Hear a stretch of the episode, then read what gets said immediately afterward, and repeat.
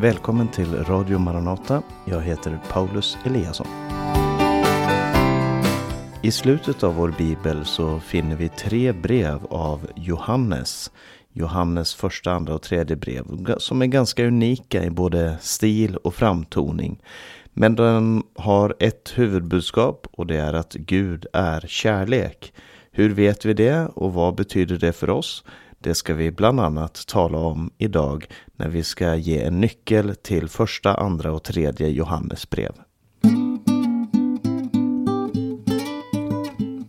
Som sagt så ska vi idag tala om tre brev från Johannes. Ett som är lite längre, det första, och två som är väldigt korta. Det är faktiskt de kortaste breven i Nya Testamentet, andra och tredje Johannes brev. Och författaren till de här breven, ja, vi har redan sagt Johannes, eh, men han presenterar sig inte själv i de här tre breven, utan han kallar sig bara för den äldste. Eh, men, och redan tidigt så fanns det, alltså tidigt i den kristna historien, så fanns det teorier om att det här var en annan Johannes än eh, Jesu lärjunge och man kallade det för Johannes den äldre eller Johannes eh, äldste. Ehm, och det är möjligt att det är en annan Johannes än den aposteln Johannes som vi känner ifrån evangelierna. Men eh, kyrkofäder och apostoliska fäder, sådana som Ireneus, Clemens ifrån Alexandria och Tertullianus bland annat menade att det var Johannes, alltså en av Jesu tolv lärjungar, som hade skrivit det här brevet. Och det finns i alla fall så pass många språkliga paralleller mellan både Johannes evangelium och, Johannes, och Uppenbarelseboken som och Uppenbarelseboken vet vi är skrivet av en som heter Johannes i alla fall. Eh, alltså det interna, de interna bevisen pekar på det. Eh, och det finns så många språkliga paralleller mellan Johannes evangelium, de tre Johannes brev och Uppenbarelseboken att det tyder på att de har samma författare. Det finns nämligen ett så pass enkelt språk i alla de här eh, fem olika bibelböckerna att det brukar rekommenderas den som ska börja läsa grekiska att eh, man börjar med de här eh, fem breven för att de, eh, språket, språkuppbyggnaden är så pass enkelt. Så, men allting tyder i alla fall på att det här är Eh, en som har sett Jesus, varit tillsammans med Jesus. Eh, som, men det ska vi komma tillbaka till. Men det, att det är någon av de allra närmaste till Jesus som har skrivit de här breven. Och den bästa kandidaten är faktiskt aposteln Johannes, en av de tolv. Mottagaren till eh, de tre breven, ja det första brevet är ett så kallat katolskt eller generellt, ett allmänt brev riktat till en samling av församlingar. Eh, traditionen säger att eh, Johannes han eh, verkade i området runt Efesus. Eh, han, han tjänade i församlingen i Efesus och eh, han, han hade antagligen, antagligen en ganska nära relation till de som han skrev de här breven till. För han kallar dem för mina barn. Vi vet inte riktigt vilka de här människorna var men antagligen människor som stod då Johannes ganska nära. Det är det första brevet. Det andra brevet, vi ska säga någonting mer om det senare, men det är antingen till en kvinna som förestod en församling eller en, till en församling som beskrivs som en kvinna. Det talas om den utvalda kvinnan i det brevet utan att hon namnges. Det tredje brevet däremot namnges, det är till Gaius som var en församlingsföreståndare för en husförsamling. Jag Ska säga mer om det senare. Eh, när är de här breven skrivna? Antagligen efter att Johannes skrev sitt evangelium för att det verkar särskilt i de första verserna i första kapitlet som att han förutsätter att man känner till eh, evangelierna. Så eh, kanske runt 85 till 95 efter Kristus men det är väldigt svårt att datera eh, Johannesbreven. Och eh, genren som de här är skrivna i, ja, andra och tredje brevet är helt klart det som vi brukar kalla för epistlar eller brev. Ehm, de, de har en uppbyggnad med en hälsning och, och med en klar adressat och så vidare. Men det första brevet, det är mycket mer en predikan. Det börjar inte med en inledning. Ja, Johannes hälsar församlingarna där och där, utan det börjar direkt med förkunnelsen. Så det har mycket mer än, än stilen av en predikan där man kommer igång med en gång. Och stilen som det här är skrivet i skiljer sig ganska mycket från till exempel Paulus brev eller Petrus brev. Eh, genom att Johannes inte för några eh, argument på det sättet som det görs i till exempel Paulus brev. Han har systematiserat, aposteln Paulus systematiserade väldigt mycket av sin förkunnelse och han gick, du kan följa en tankegång genom hela hans text. Eh, men man kan, kunde säga för, för er som tar den referensen att om Paulus har bibelstudier så har Johannes en väckelseappell. Det, det, är svårt att säga från här till här pratar han om det här, sen byter han ett ämne till detta. För han kommer tillbaka så många gånger till samma tematik och belyser det på olika sätt. Det är väldigt intressant att läsa första Johannesbrev. Eh, för att man måste verkligen sjunka ner i det, man måste, man måste gå in i, i, i texten för att förstå vad det är han vill komma fram till. Och den Eh, tematiken i det här brevet, ja, det, dels så handlar det om att han går i svaromål på vissa företeelser som hade dykt upp i den kristna sfären, sånt som gnosticismen och docetismen. Ska komma tillbaka till det också. En annan fråga var hur man skulle förhålla sig till de här gnostikerna och docetikerna eh, som började lämna församlingen eller som började förkunna andra läror i församlingen. Man hade frågor som liksom handlade om hur ska jag veta att jag har det rätta? Hur ska jag veta att jag tillhör Gud? Hur ska jag veta att Guds ande bor i mig när det finns människor som menar så mycket olika och menar sig tjäna Gud och menar sig leva för Gud? Hur ska jag kunna veta att jag tillhör Gud? Och så säger också Johannes intressant nog väl, flera gånger i det här brevet, jag skriver detta för att, och man skulle kunna säga att det här är på ett sätt hans tematik och det han vill få fram. I kapitel 1 och vers 4 så säger Johannes Jag skriver detta för att vår glädje ska bli fullkomlig. Andra översättningar, andra handtexter säger för att er glädje ska bli fullkomlig. Det handlar om att ha glädjen som mål. Eh, I kapitel 2, vers 1 så säger han, jag har skrivit det här för att ni inte ska synda. Alltså att det finns ett rättfärdigt liv som mål. I kapitel 2.21 så säger han, jag har inte skrivit till det här för att ni inte känner sanningen, utan för att ni känner sanningen och vet att ingen lögn är i sanningen. Alltså det finns ett, en tematik som handlar om att vi har någonting gemensamt och det är att vi tror på sanningen. Och i kapitel 5 och vers 13 så säger jag, jag har skrivit till det här, det här till er för att ni ska veta att ni har evigt liv. Och det är också ett stort tema i eh, första Johannes brev. Eh, den historiska kontexten som det här befinner sig i är att försam det är församlingens absolut tidigaste tid. Inte den absolut tidigaste tiden, det, här, det har ju trots allt gått kanske 40, 50, eh, 60 år sedan, sedan den första församlingen. Och, och det hade börjat dyka upp både konkurrerande läror mot apostlarnas lära och det hade också blivit så att en del hade brutit sig ut ur församlingen. Alltså den första väckelsen hade lagt sig då människor bara blev tillagda församlingen och nu var det istället så att en del människor faktiskt lämnade församlingarna och det skapade eh, eh, spänningar. Och de här församlingarna är ganska små. Det är husförsamlingar på kanske 10 30 personer som det här riktas till. Och det är människor som inte har någon social status väldigt ofta, men de har en väldigt stark gemenskap. Det är kontexten. Nu ska vi gå in i texten och se lite vad första Johannes brev handlar om.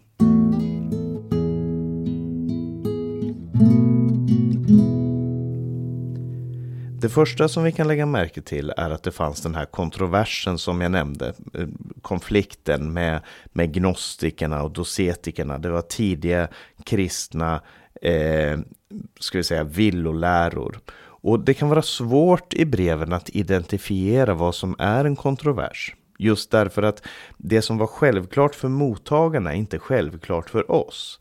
Alltså när vi idag diskuterar de problem som finns i vårt samhälle, om, om vi diskuterar kriget i Ukraina, om vi diskuterar klimatkrisen eller om vi diskuterar eh, coronakrisen eller vad det kan handla om, så har vi eh, ett gemensamt tankemönster och vi har gemensam kunskap som gör att vi inte behöver ta upp det här ifrån början och säga jo, med kriget i Ukraina är det så att Putin gjorde det här och det här. Och det, utan vi känner till det här och därför kan vi gå rätt in i historien. Och det är mycket det Johannes gör i det här brevet när han möter, bemöter sina motståndare. Han utgår ifrån att man redan vet mycket av vad det handlar om.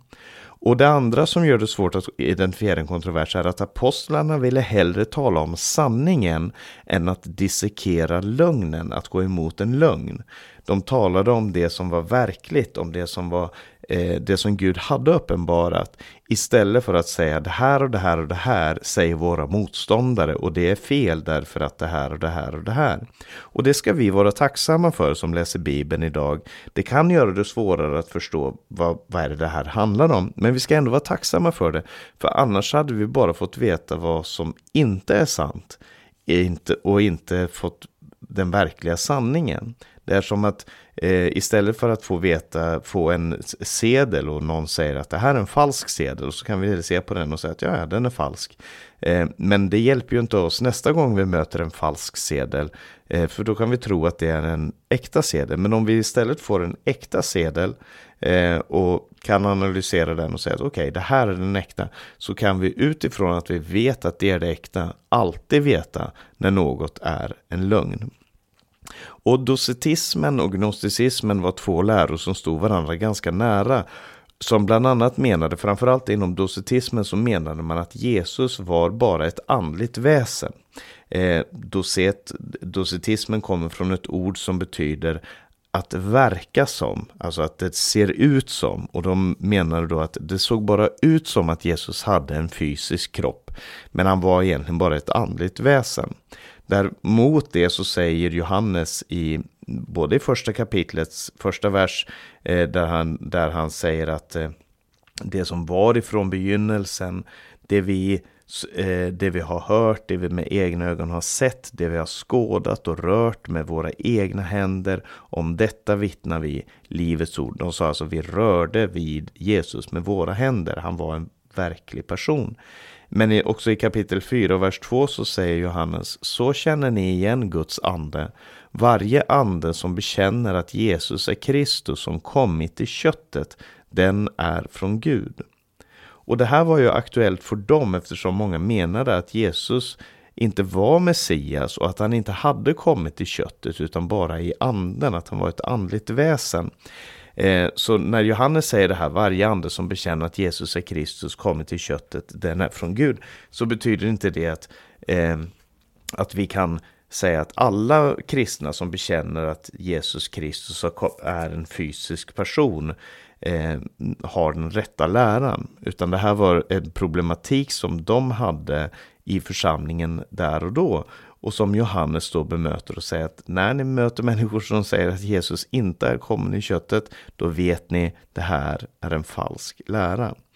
Eh, eh, och i, i, det är intressant att se att i början av den kristna historien så var det ofta mer kontroversiellt att säga att Jesus var en människa än att han var Gud. Alla de här olika falska lärorna som, som uppstod i början Eh, eh, docetismen, gnosticismen och många andra läror, de, de eh, hävdar att Jesus inte var människa, att han bara var Gud. Eh, vilket naturligtvis eh, är lögn. Bibeln förklarar väldigt tydligt att Jesus också är människan, är helt och fullt människa, helt och fullt Gud. I vår tid så är det mer ofta man möter människor som säger att Jesus inte var Gud. Eh, som Jehovas vittnen och många andra som säger att ja, men Jesus var bara en människa. Men eh, den, i den första kristna församlingen så var det mycket kontrovers runt frågan, var han en människa överhuvudtaget eller var han någonting annat? Därför att inom gnosticismen så menade man att den fysiska världen var någonting ont och därför så kunde inte Jesus vara fysisk, han måste vara andlig eftersom han var god. Men det var alltså de kontroverserna som det kan vara bra att känna till när man läser första Johannes brev. Att man förstår vilka diskussioner som låg bakom, vilka alternativa förklaringar på vem Jesus var som låg bakom det här.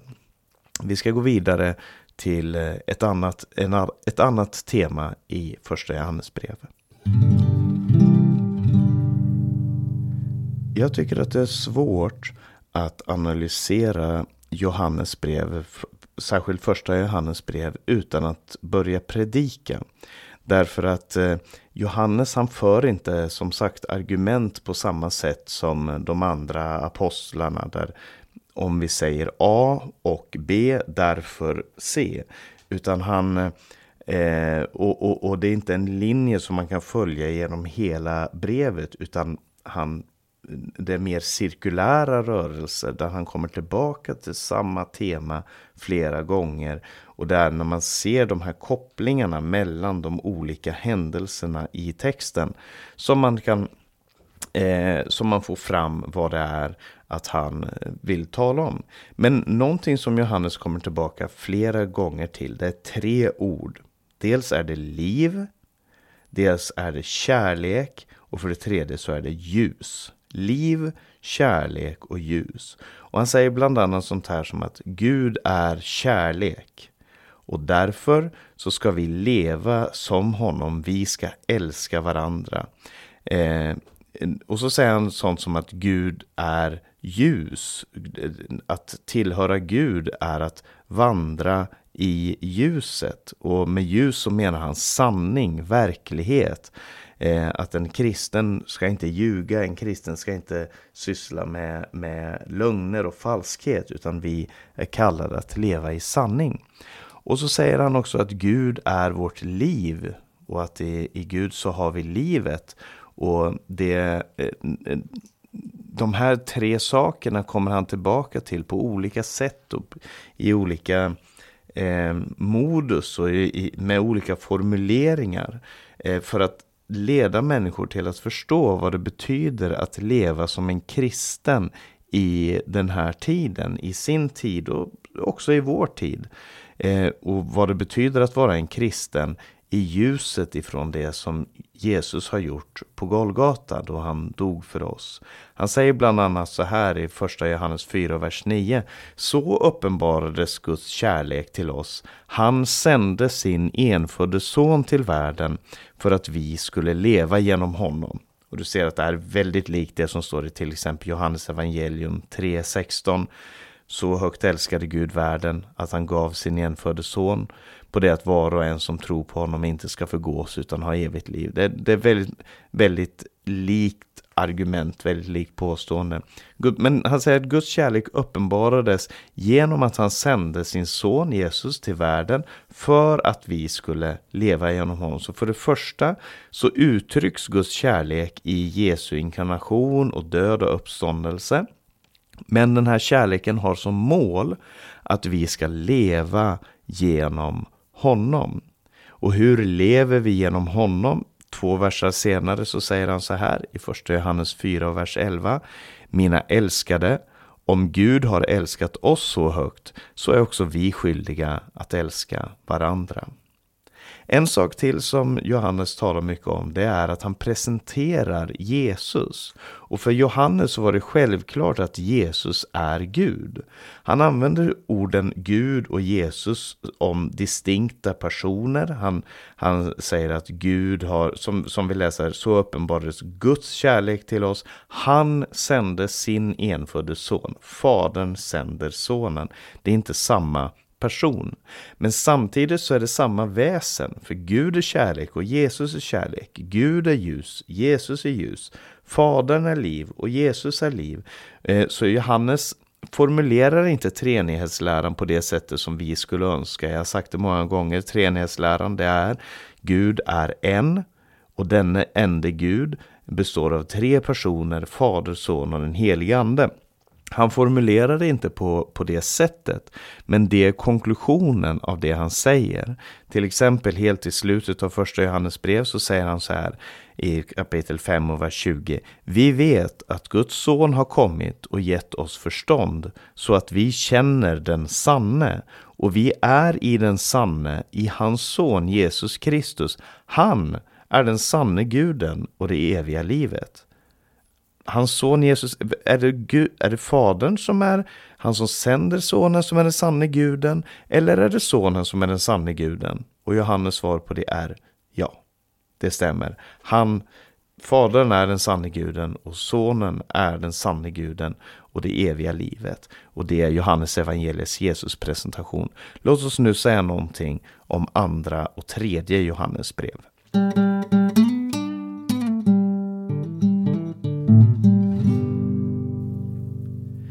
Situationen som eh, båda breven handlar om, alltså andra och tredje Johannes brev, det är att det finns förkunnare som reser runt för att predika evangelium. Det fanns alltså lokala församlingar, men det fanns också de här apostlarna eller evangelisterna som reste runt för att förkunna evangelium, för att tala om Jesus i de olika församlingarna eh, och till människor som inte trodde.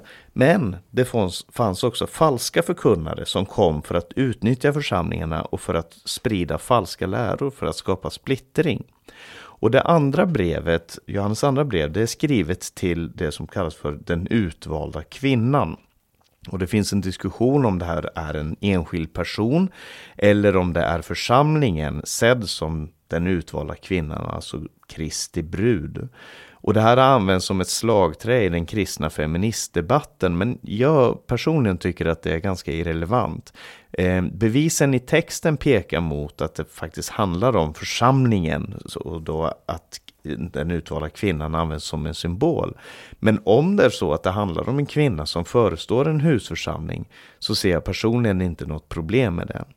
Eh, det här är antagligen skrivet ganska nära in på, om inte samtidigt som första Johannesbrev, för att väldigt många formuleringar som används i andra och tredje brevet eh, är väldigt lika det som står i första Johannesbrev.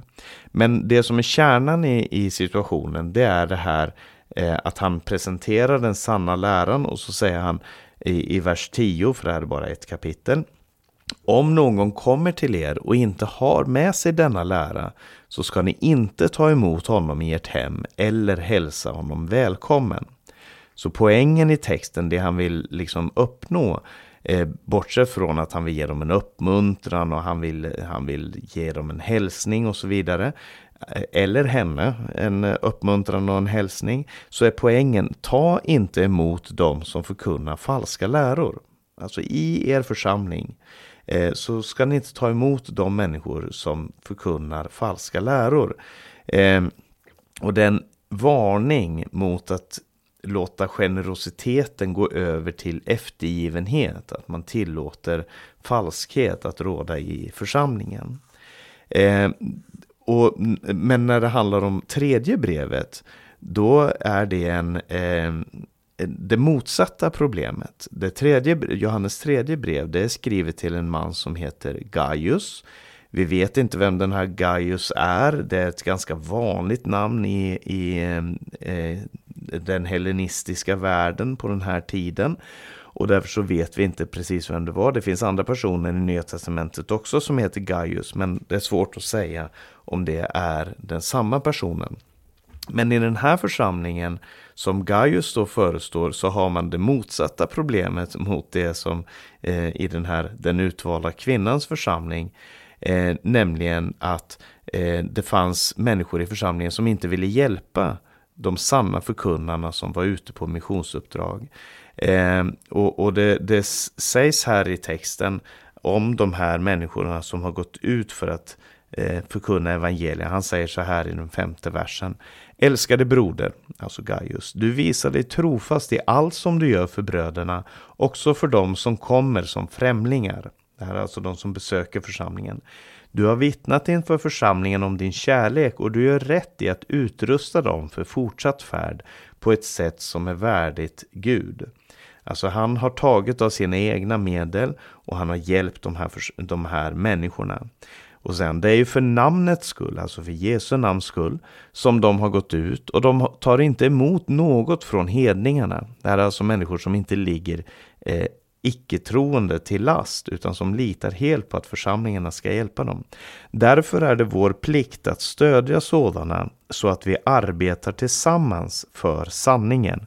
Det fanns alltså en, en eh, tanke att det är vår, eftersom vi har samma uppdrag som dem, både vi som befinner oss lokalt i en församling och de som går ut och förkunnar evangeliet, så har vi en plikt att hjälpa dem. Och så säger han så här, jag har skrivit till församlingen, alltså han har, han har då skrivit till församlingen eh, som Gaius är med i, men Diotrefes, som gärna vill vara främst bland dem, tar inte emot oss.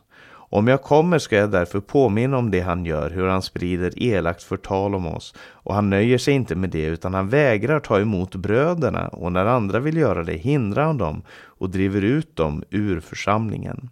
Det här var alltså en en situation, en, en eh, konflikt som, som förekom i församlingen. Dels de som tog emot och, och, och, ville i kärlek ta emot och hjälpa syskon som till exempel Gaius då. Eh, och de som menade att nej, vi har inga förpliktelser, vi behöver inte hjälpa de här människorna, vi har ingenting med dem att göra. Eh, de får klara sig själva, som då Diotrefes menade. Och de här två olika situationerna, de Eh, eh och jag tror att även om vi inte befinner oss i samma situation idag så handlar det här också för oss om hur vi ska eh, generöst ta emot människor som behöver hjälp, som behöver vårt stöd, eh, visa kärlek till andra troende, visa kärlek till de som kanske är annorlunda än oss, tänker annorlunda, gör annorlunda. Men att vi samtidigt ska visa en, ett förstånd i hur vi tar emot människor som inte eh, förkunnar evangelium, som inte står för sanningen och så vidare.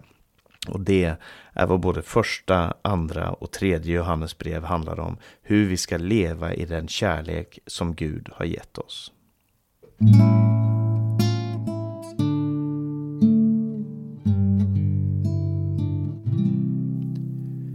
Du har lyssnat till en podcast ifrån Radio Maranata med mig, Paulus Eliasson. Vi ska strax lyssna på en sång, men först så ska jag ge lite information. Det här programmet har sänds över Stockholm och Örebro närradio. Stockholm närradio 88 MHz, Örebro närradio 95,3 MHz. Och sprid gärna de här programmen till andra också. Om du har några frågor eller kommentarer omkring programmet så skicka gärna en e-post till info.maranata.se eller ring 070-201 60 20. På hemsidan maranata.se kan du höra de här programmen. Det har nu lagts upp ett register över alla programmen ifrån i år. Eh, du kan också läsa tidningen Minusropet, du kan se Radio Maranatas övriga sändningstider. Och så vill vi att du ska sprida Guds välsignelse till alla du möter och vi hörs igen om en vecka.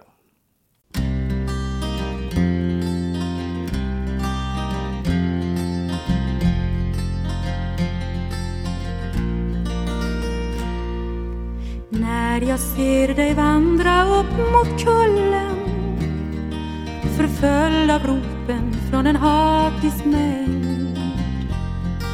Hur du sakta dignar under korset ut av pöbelhopens massaträngd Hånad och förnedrad tar du stegen mot det mål du ensam fattat nå. Undergiven fader, detta var hans vilja för att nå. Jag skulle få. Jesus, jag vill älska dig, älska dig för evigt. För att du för mig dig utgav så.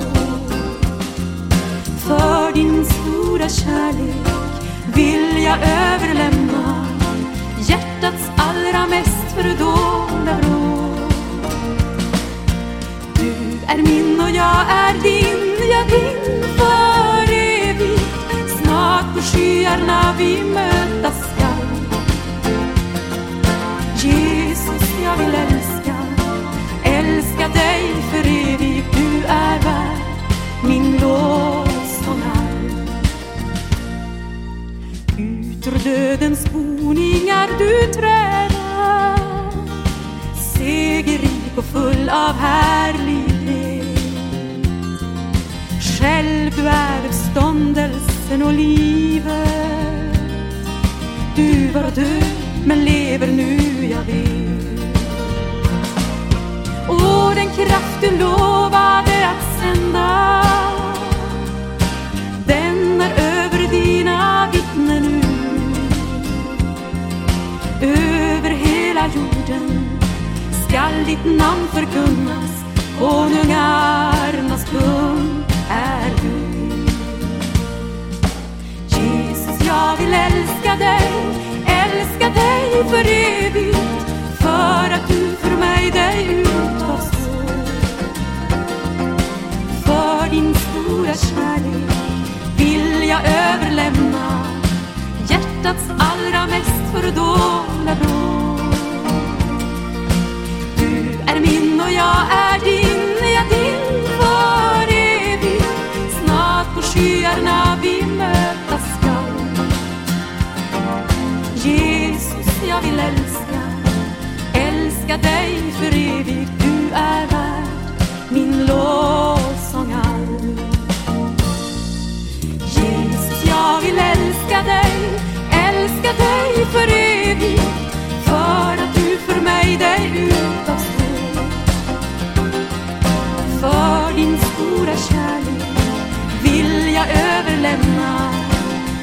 Längtats allra mest fördolda vrå.